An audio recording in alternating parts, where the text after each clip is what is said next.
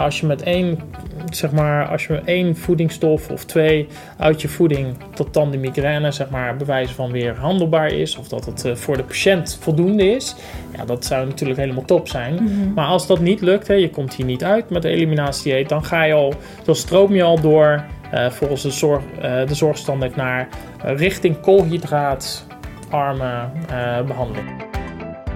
Leuk dat je luistert naar de Healthy You, Happy You podcast. Ik ben Noor, koolhydraatarm diëtist, voedingswetenschapper en oprichter van leefstijlpraktijk The Nourishing State. Met mijn podcast neem ik je mee in de wondere wereld van koolhydraatarme voeding en een gezonde leefstijl.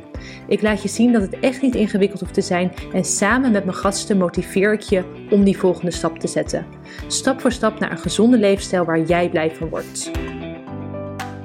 Hi Wardel, leuk dat je er weer bent. Of in ieder geval, het is gewoon dezelfde dag, maar dit is de tweede aflevering.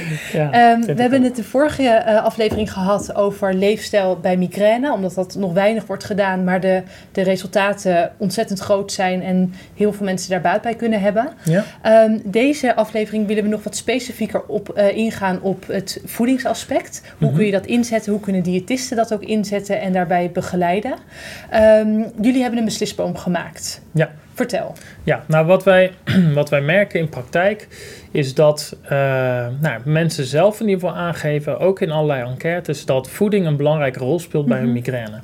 En ja, eh, in onze optiek is, is de diëtist is de professional Ja. eh, met kennis van voeding.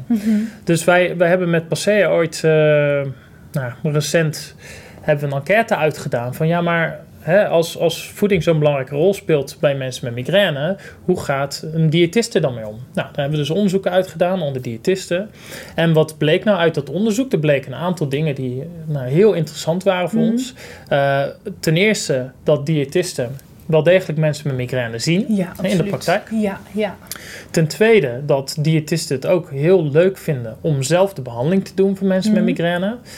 Maar als laatste punt komt dan dat eh diëtisten zelf ook aangeven dat ze zelf over onvoldoende kennis Ja. en vaardigheden beschikken om mensen met migraine goed te begeleiden. ja.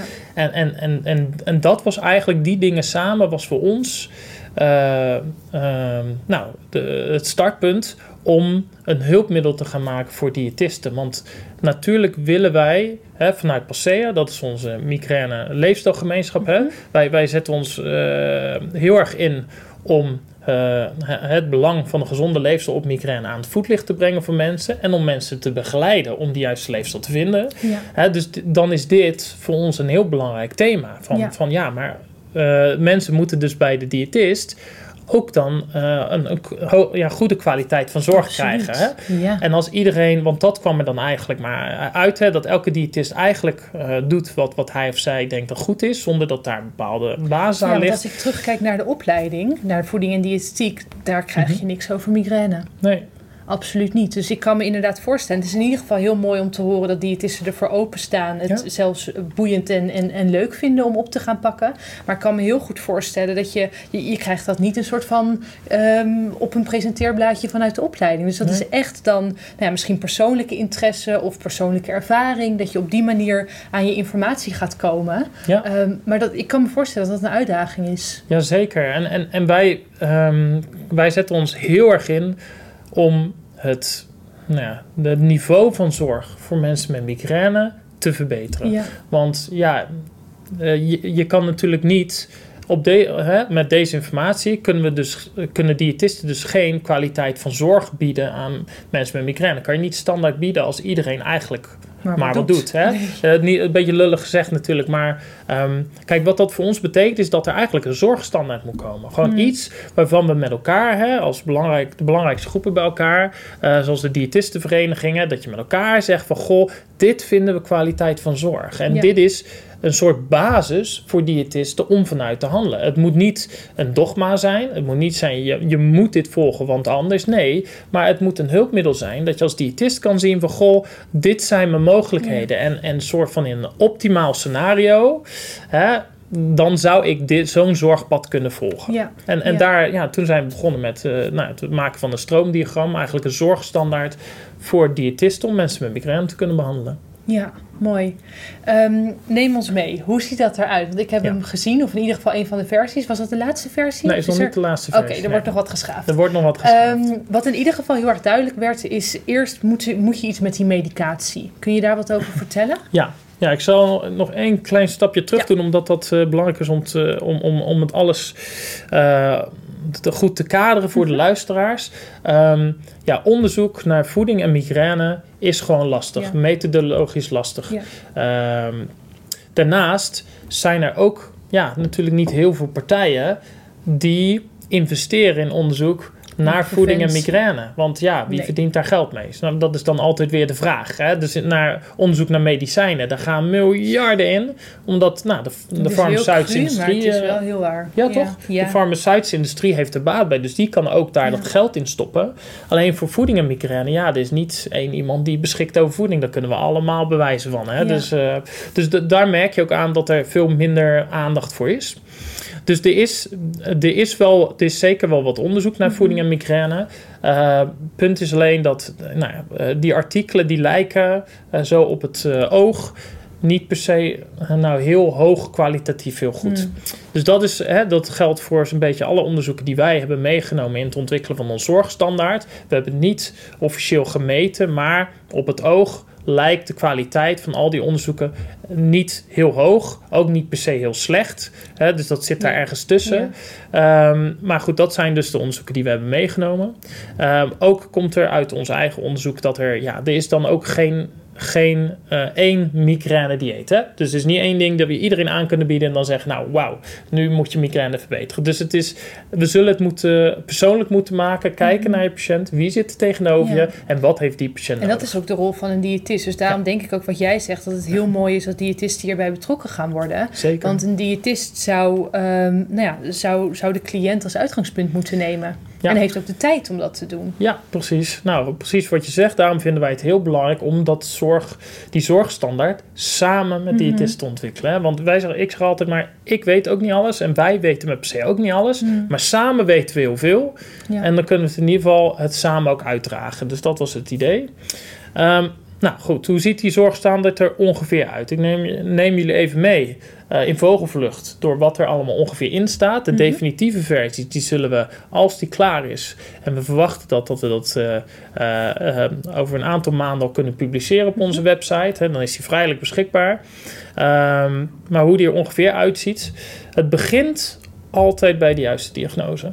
Dus de juiste behandeling begint bij de juiste diagnose. Dus wij hebben een zorgstandaard. Die zijn we aan het ontwikkelen voor migraine. Ja.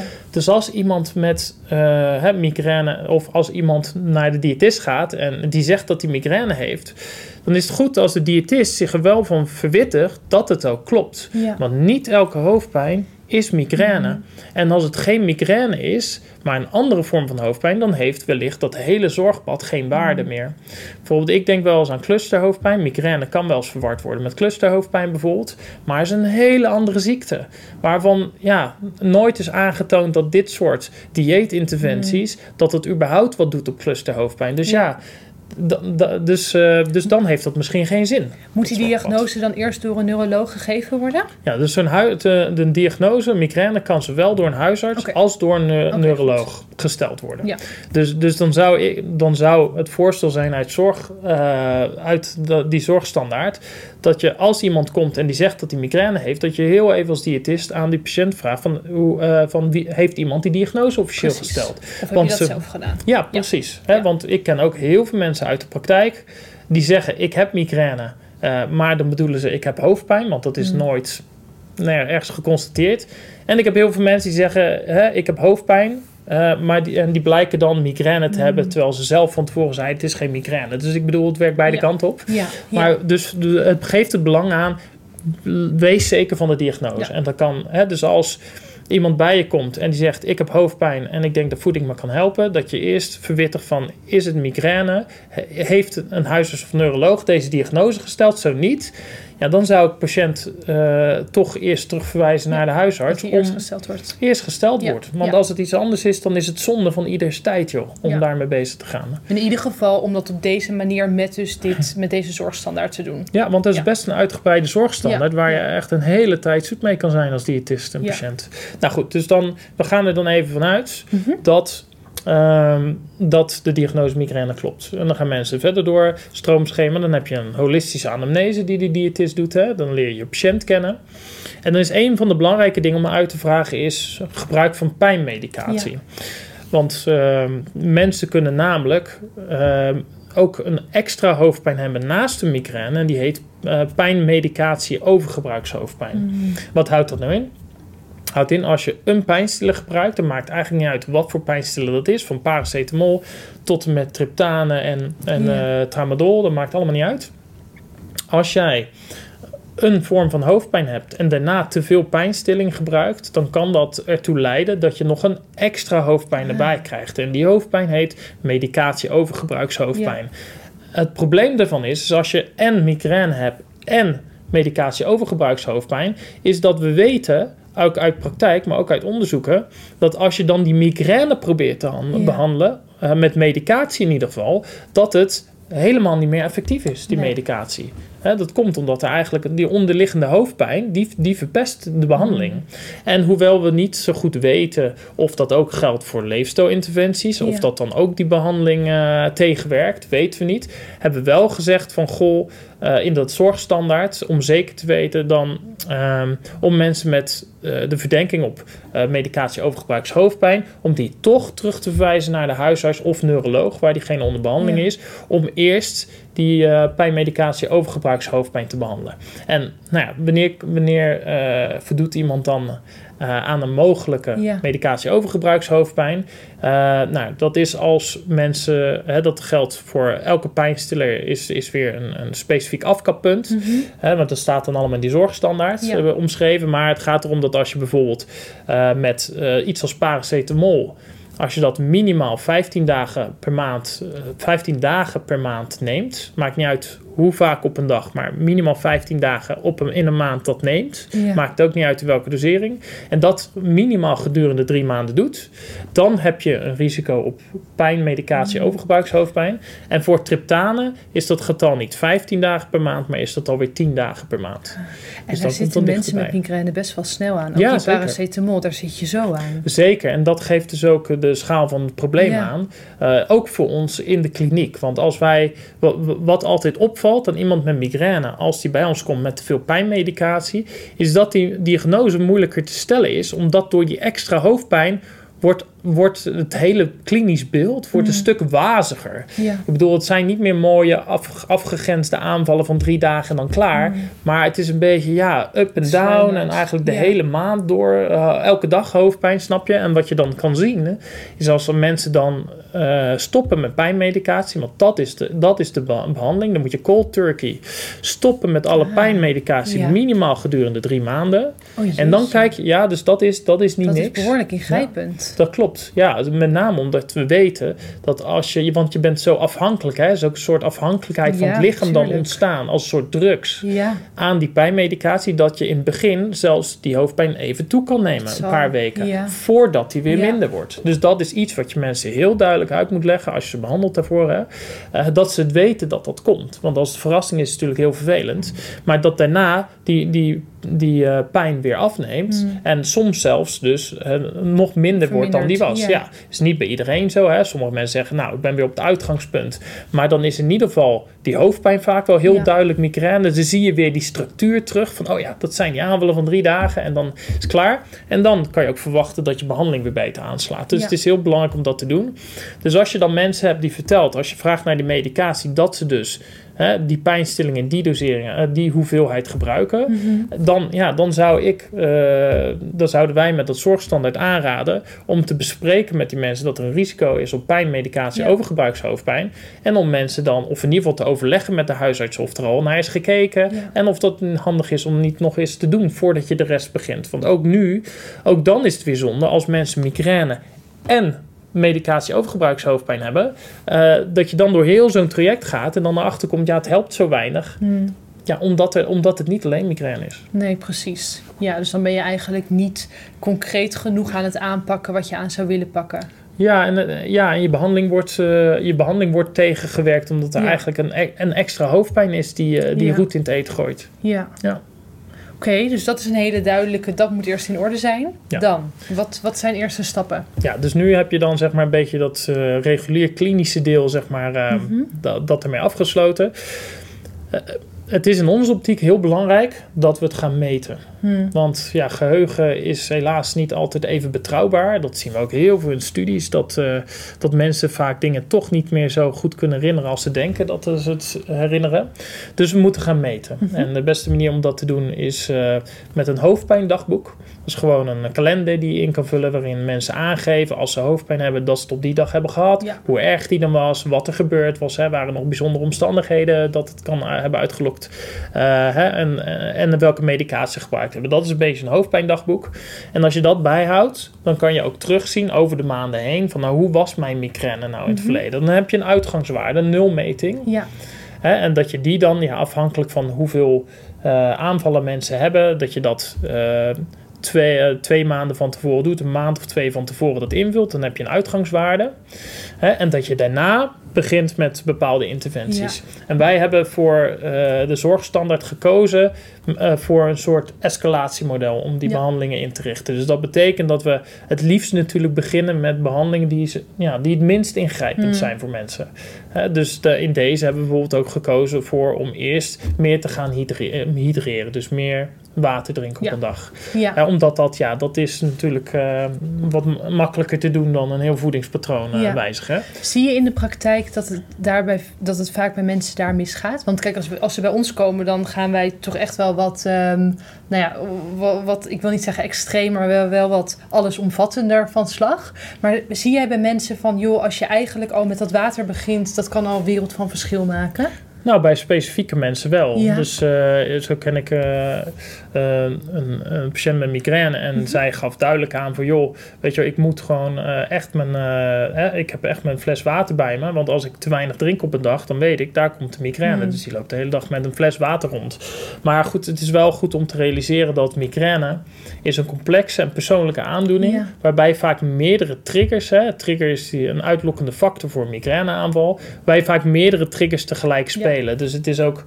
ehm, dit gaat alleen om voeding. Het is eigenlijk maar één, eh, één trigger. Dus het is maar zelden zo dat je met één interventie heel de migraine Hmm. oplost. eh, Of tenminste de migraineaanvallen wegkrijgt. Dus het kan, hè, die, die, eh, dat hydreren, Ja, kan zeker een, een onderdeel spelen, ondersteunend zijn in het verbeteren van de eh migraineaanvallen. En- sowieso is voldoende hydreren natuurlijk ontzettend gezond. Dus in die goed. zin Ja, is het gewoon ook een goede gewoonte. Hè? Ja, Ehm, en je weet pas, dat, dat wil ik dan ook nog even benadrukken, dat het, dat het eh, heel verleidelijk is om als je je bent het aan het meten en je doet dat hydreren Ja. en je denkt, nou goh, je doet het twee maanden en je, en je ziet dat de migraine niet op, te, op verbetert, Mm. dan kan het verleidelijk om te zeggen, zijn om te zeggen, nou laat dat hydreren dan ja. maar zitten. Toch? ja. Eh, maar dat is juist niet de bedoeling, omdat we weten dat er vaak meerdere factoren tegelijk moeten spelen Hmm. om die migraine uit te lokken. En het kan best zijn dat dat stukje hydreren wel eh een van die factoren is die niet in zijn eentje die migraine veroorzaakt, Mhm. maar als je dat combineert met andere Ja. interventies, dat het dan wel zo de ja dijk dus zit. wel Dus, een invloed heeft. ja, en omdat Ja. we al zeggen, het is gewoon een gezonde gewoonte, dan denk ik, hou dat alsjeblieft vast. Ja, ja. Dus wat je eigenlijk doet binnen de zorgstandaard is eerst beginnen met de kleine aanpassingen die zo min mogelijk, nou ja, eh, zo min mogelijk veranderingen teweeg brengen van je vragen. Ja. Ehm, maar dan zou je dus ook daar verder op bouwen. Dus de hydratatie is één, dan zou je dus een volgende doen en eigenlijk een soort van stapsgewijs model is het op die manier. Ja, zeker. En, Ja. en wij laten die keuze van, van, van wat, waar ga je mee door en wat laat je weg, Mhm. dat laten we helemaal in de handen van de diëtist en de patiënt. Want ja, die, die kennen de situatie best. Wat past het best bij die patiënt? Dat, moet je vooral open laten, maar wel met de kanting dat je weet dat, dat dit soort dingen alleen maar opbouwend effect met elkaar hebben. hè? Mhm. Dit soort leefstijlveranderingen. Dus het liefst gezonde gewoontes gewoon vasthouden. Nou, dan heb je na dat hydreren, eh, denken wij dat het minst eh, belastend hè, en wat veel op kan leveren, is om eh, voedselintoleranties Ja. eruit te halen. Hè. Echt die specifieke voedingsmiddelen die, die een direct effect kunnen hebben op het Mhm. veroorzaken van die migraineaanvallen. En in de literatuur worden daar ontzettend veel mogelijke voedingsmiddelen genoemd. Ook hier zie je weer dat ontzettend persoonlijke karakter in terug. Dat de een zegt, ja, het is eh, bij mij oude kaas. En de ander zegt, het is rode wijn. En de ander zegt weer chocola. Ja, het Ja. kan van alles zijn. Ja. Eén nummer is, weet je wel. Dat, dus het kan, het kan heel veel zijn. Ehm, en, en dus in, de, in die zorgstandaard is dan ook opgenomen dat, dat je dan eerst aan de patiënt vraagt van goh, hè, waar denk je nou, waar denk jij nou? Welk voedingsmiddel denk jij nou dat een rol speelt bij je migraine? En dat als een patiënt er zelf ideeën over heeft, dat je die dan gaat elimineren uit de voeding Mhm. met een eliminatiedieet. Ja. En dat je dan zo dat, dat, eh voedings, dat hoofdpijndagboek bij blijft houden om te kijken of dat ook echt helpt. Ja, nou, en het is meteen ook interessant. Want als jij navraagt van joh, wat, wat ervaar je zelf al voor, voor triggers? En iemand noemt bijvoorbeeld inderdaad oude kaas, varkensvlees en chocola. Nou, ja, dan is het mogelijk histamine. Dus dan kun je die daar ook nog verder uithalen. Ja. Dus ik denk inderdaad dat dat ook heel belangrijk is ehm, eh, voor, voor diëtisten die, die luisteren. Heb ehm, niet het idee dat je zelf alles moet weten. Want juist omdat het zo persoonlijk is, wil je het samen met je cliënt doen. Ja. Want je cliënt die heeft de kennis in pacht. Want het is zijn of haar leven, zijn of haar gezondheid. Dus je wilt dat vooral samen gaan brengen. En dan kun je daadwerkelijk verschil teweeg brengen. Ja, zeker. En ik noem dat vaak ook wel zeg maar de, de wijsheid van de massa. Ja. Want eh, nou ja, als ik spreek voor ons artsen, een beetje. Ik wil niet te veel chargeren, want dan doe ik natuurlijk geen recht aan de individualiteit van iedereen. Maar over het algemeen is het een beetje bij artsen zo dat, dat, dat wij, wij denken dat wij het wel weten. ja. Snap je? Wij zijn, wij zijn eigenlijk de ja. autoriteit op het gebied van ziekte. En daar hoeft de patiënt niet aan te komen, want die weet het allemaal niet. Dat is toch een beetje de opvatting. eh, nou, in onze beroepsgroep, eh, denk ik. En ik denk dat dat niet helemaal terecht is. Mm. Want ik denk, kijk, ik bekijk het zo. Wij, wij weten natuurlijk heel veel van de boeken, hè? Ja. veel gelezen. Ja, En wij zien natuurlijk ook heel veel patiënten met die aandoening. Maar eh, de patiënt tegenover je, die heeft de aandoening. Precies. En die leeft Ja. er 24 uur per dag, 7 dagen per week mee. Dus die heeft ook ontzettend veel kennis erover opgedaan. Over zijn of haar migraine. ja. En als je dat nou weet te bundelen, die krachten, ik denk dat je daar Precies. hele mooie nou, geneeskunde mee kan bedrijven. Ja. Om het zo te doen. Maar om echt dan die patiënt actief te betrekken in, Mhm. in, in, in het denkproces en de behandeling. Ja, ik had een, eh, een eerdere podcastopname met iemand en die, die noemde eh, van patiënten accenten maken. Ja, heel mooi. Toen dacht ik, ja, dat, dat is wat je wil. Ja. En vooral ook, dus wat jij ook zegt, niet ehm, het idee hebben van, oh, ik heb de waarheid in pacht en, en ehm, ik zal het je even gaan vertellen. Want die cliënt of patiënt die tegenover je zit, die weet heel veel. Want het, het is zijn of haar situatie. Ja, zeker. Dus dat wil, je, dat wil je samenbrengen. ja. Dus zeker ook bijvoorbeeld wat jij zei over intoleranties, dat je dat op die manier kan doen. Ehm, hoe kunnen intoleranties verband houden tot migraine? Nou, eh, dus eh, die intoleranties die kunnen een trigger zijn voor eh, migraine. hè. Mhm. Dus mensen rapporteren dat zeker bij hoofdpijndagboeken. Ja, is, niet, het is wel in die zin interessant dat als mensen zeggen dat het hun migraine uitlokt, dan is dat niet altijd één op één terug te vinden in onderzoek ook. Nee. Dat kan meerdere redenen hebben. Ten eerste kan het zijn dat wat mensen als een trigger ervaren in werkelijkheid een prodroom is. Dus een Ja. prodroom is de eerste fase van migraine waarin je bepaalde lichamelijke gewaarwordingen hebben, Mm. eh, kan hebben. En zo'n lichamelijke gewaarwording kan best zijn hè, eh, dat je trek krijgt in chocola. Mm. Dus je moet je voorstellen, met zo'n prodroom is je migraine al begonnen. ja, En dan krijg je trek in chocola. Dus Ja. dan ga je chocola eten. En dan krijg je daarna die hoofdpijn. Ja, en en dan denk was ja, chocola. zie je wel, het was chocola. Nee, Snap je? ja. Dus dat is Ja, een van de moeilijke dingen ervan. Andere punt is waarom dat misschien niet uit die studies komt, is dat er, nou ja, wat we net ook al benoemd hebben, dat, dat, dat, eh, dat we denken bij migraine en triggers dat het een multiple hit model is. Wat, eh, wat, wat betekent dat er meerdere triggers tegelijkertijd aanwezig moeten Mhm. zijn in iemand om tot één migraineaanval Ja. te leiden. En dat er maar zelden één trigger is die dan altijd tot een migraineaanval leidt. Dus waarschijnlijk is het een combinatie van dingen. ja. En ehm, over intoleranties, ik noemde al histamine. Wat zijn andere die jij in de praktijk veel ziet? Nou ja, ehm, dus, dus wat, wat heel veel in onderzoek ook wordt genoemd, hè, Ja. is, eh, is eh, wat ik al zei, kaas wordt heel veel genoemd. Ja, Eh, ehm, rode wijn, alcohol in zijn algemeenheid wordt Ja. ook veel genoemd. En dat heeft natuurlijk ook weer te maken met hydratatie of dehydratatie in dit geval. Ja, dat kan, zeker. Ja. tyramine wordt in de wetenschap ook wel genoemd. Hoewel dat nou ja, uh, niet direct uit studies komt als je mensen tiramine geeft, met migraine tiramine Mhm. geeft, dat ze dan ook echt consequent migraineaanvallen krijgen. Maar goed, dus dat is dan nog niet helemaal duidelijk. Ehm, je hebt ook uh, MSG bijvoorbeeld, wordt Ja. vaak beschreven. Hè? Ja. Ehm, en ehm, en dan ben ik het even kwijt. Zoetstoffen in energiedranken. Aspartaan? Ja, aspartaam. Ja. Sorry, dat was hem inderdaad. Die wordt, ja, dat wordt ook wel beschreven. Ja. En ja, ze zijn, is nog een hele lijst van dingen. Ehm, ja, wat mogelijk tot migraine Ja. kan leiden. Ja, dus dat is een volgende, volgende belangrijk om daarop in te zoomen. Ehm, je zegt enerzijds van oké, dat is nu niet, ehm, dat, dat vergt niet heel erg veel. Aan de andere kant is dat ook best wel lastig. Uit ervaring weet ik, eliminatiediëten zijn best wel lastig. Dus ik denk dat je daar al wel weer op een, op een soort van volgende stap zit. Dat je toch echt wel wat dingen moet gaan veranderen. Ja, nee, zeker. En, en dat is ook het mooie, denk ik, wat je in het gesprek met de patiënt kan doen als diëtist. Dat je gewoon gaat kijken van, goh, welke mogelijkheden hebben we? En waar zullen we eens mee beginnen? Wat is Ja. haalbaar? Weet je wel, dat je niet gelijk eh, met, Ja. weet ik veel, als je veel melk drinkt, dat je melkproducten weghaalt. Weet je wel, dat kan lastig zijn. Maar dat je begint met misschien die aspartaam. Dat je denkt, ja, die energiedranken is misschien niet zo handig.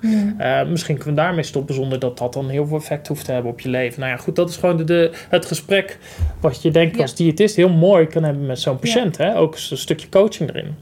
Overigens is het ook zo met dadelijk die zorgstandaard dat het best kan zijn dat eh, mensen tegen je zeggen als diëtist: ja, maar ik, ik heb helemaal niks gemerkt van dat voeding mijn migraine uitlokt. Dat kan, dat ze niks herkennen. En dan heb je ook nog, dus dat is ook het mooie dat, dat, eh, dat de patiënt eh, die eh, dat hoofdpijndagboek invult. Want dan kan je ook terugkijken in dat hoofdpijndagboek van wat hebben mensen dan, wat schrijven ze op dat ze gegeten en gedronken hebben rondom Mhm. die aanval. Dan kan je kijken, zit daar nog een verband? Ja. Hè? Valt het me nou op dat het altijd dit en dat is wat ze doen? Ja. Dan kan je ook daar eh, informatie uit ophalen. Dat je misschien de patiënten niet weet, maar uit het hoofdpijndagboek kan zeggen, nou, misschien is dit wel een trigger. Kunnen ja. we ook proberen te elimineren. Dus dat kan ook. Ja. En als je het helemaal niet weet, hè, dus stel eh, het komt uit de patiënt, eh, die, die weet het niet Mhm. qua voeding. En hoofdpijndagboek wordt het ook niet duidelijk. Ja, dan kan je ook nog overwegen als diëtist, dan noem je een IgG-intolerantietest eh, te doen. eh, waarbij je kijkt naar voedselintoleranties. Ehm, en ja, er zijn studies die aantonen dat als je een eliminatiedieet doet op basis van een IgG-intolerantietest, dat dat ook eh, migraine kan verbeteren. Dat is wel, er zijn niet heel veel studies die dat laten zien. Dus Ja. dit is allemaal ehm, ja, niet hele robuuste data, maar dus, ja, het is zeker wel iets wat je kan proberen Ja. dan om, om daar eh, nou, op die Wij manier ook in nog de iets te doen. praktijk ook op die manier. Want ja, het is gewoon best wel lastig om ehm, te. Ik, ik merk dat bij mezelf al. Weet je, om, om te pinpointen van oké, wat zijn nou bepaalde triggers? Omdat je iets iedere dag doet. De ene Ja. keer is het zus, de andere keer is het dat. Juist omdat het dus ook die verschillende factoren zijn. Ehm, dus het kan dan wel heel erg helpen om het inderdaad op een andere manier in kaart te gaan brengen.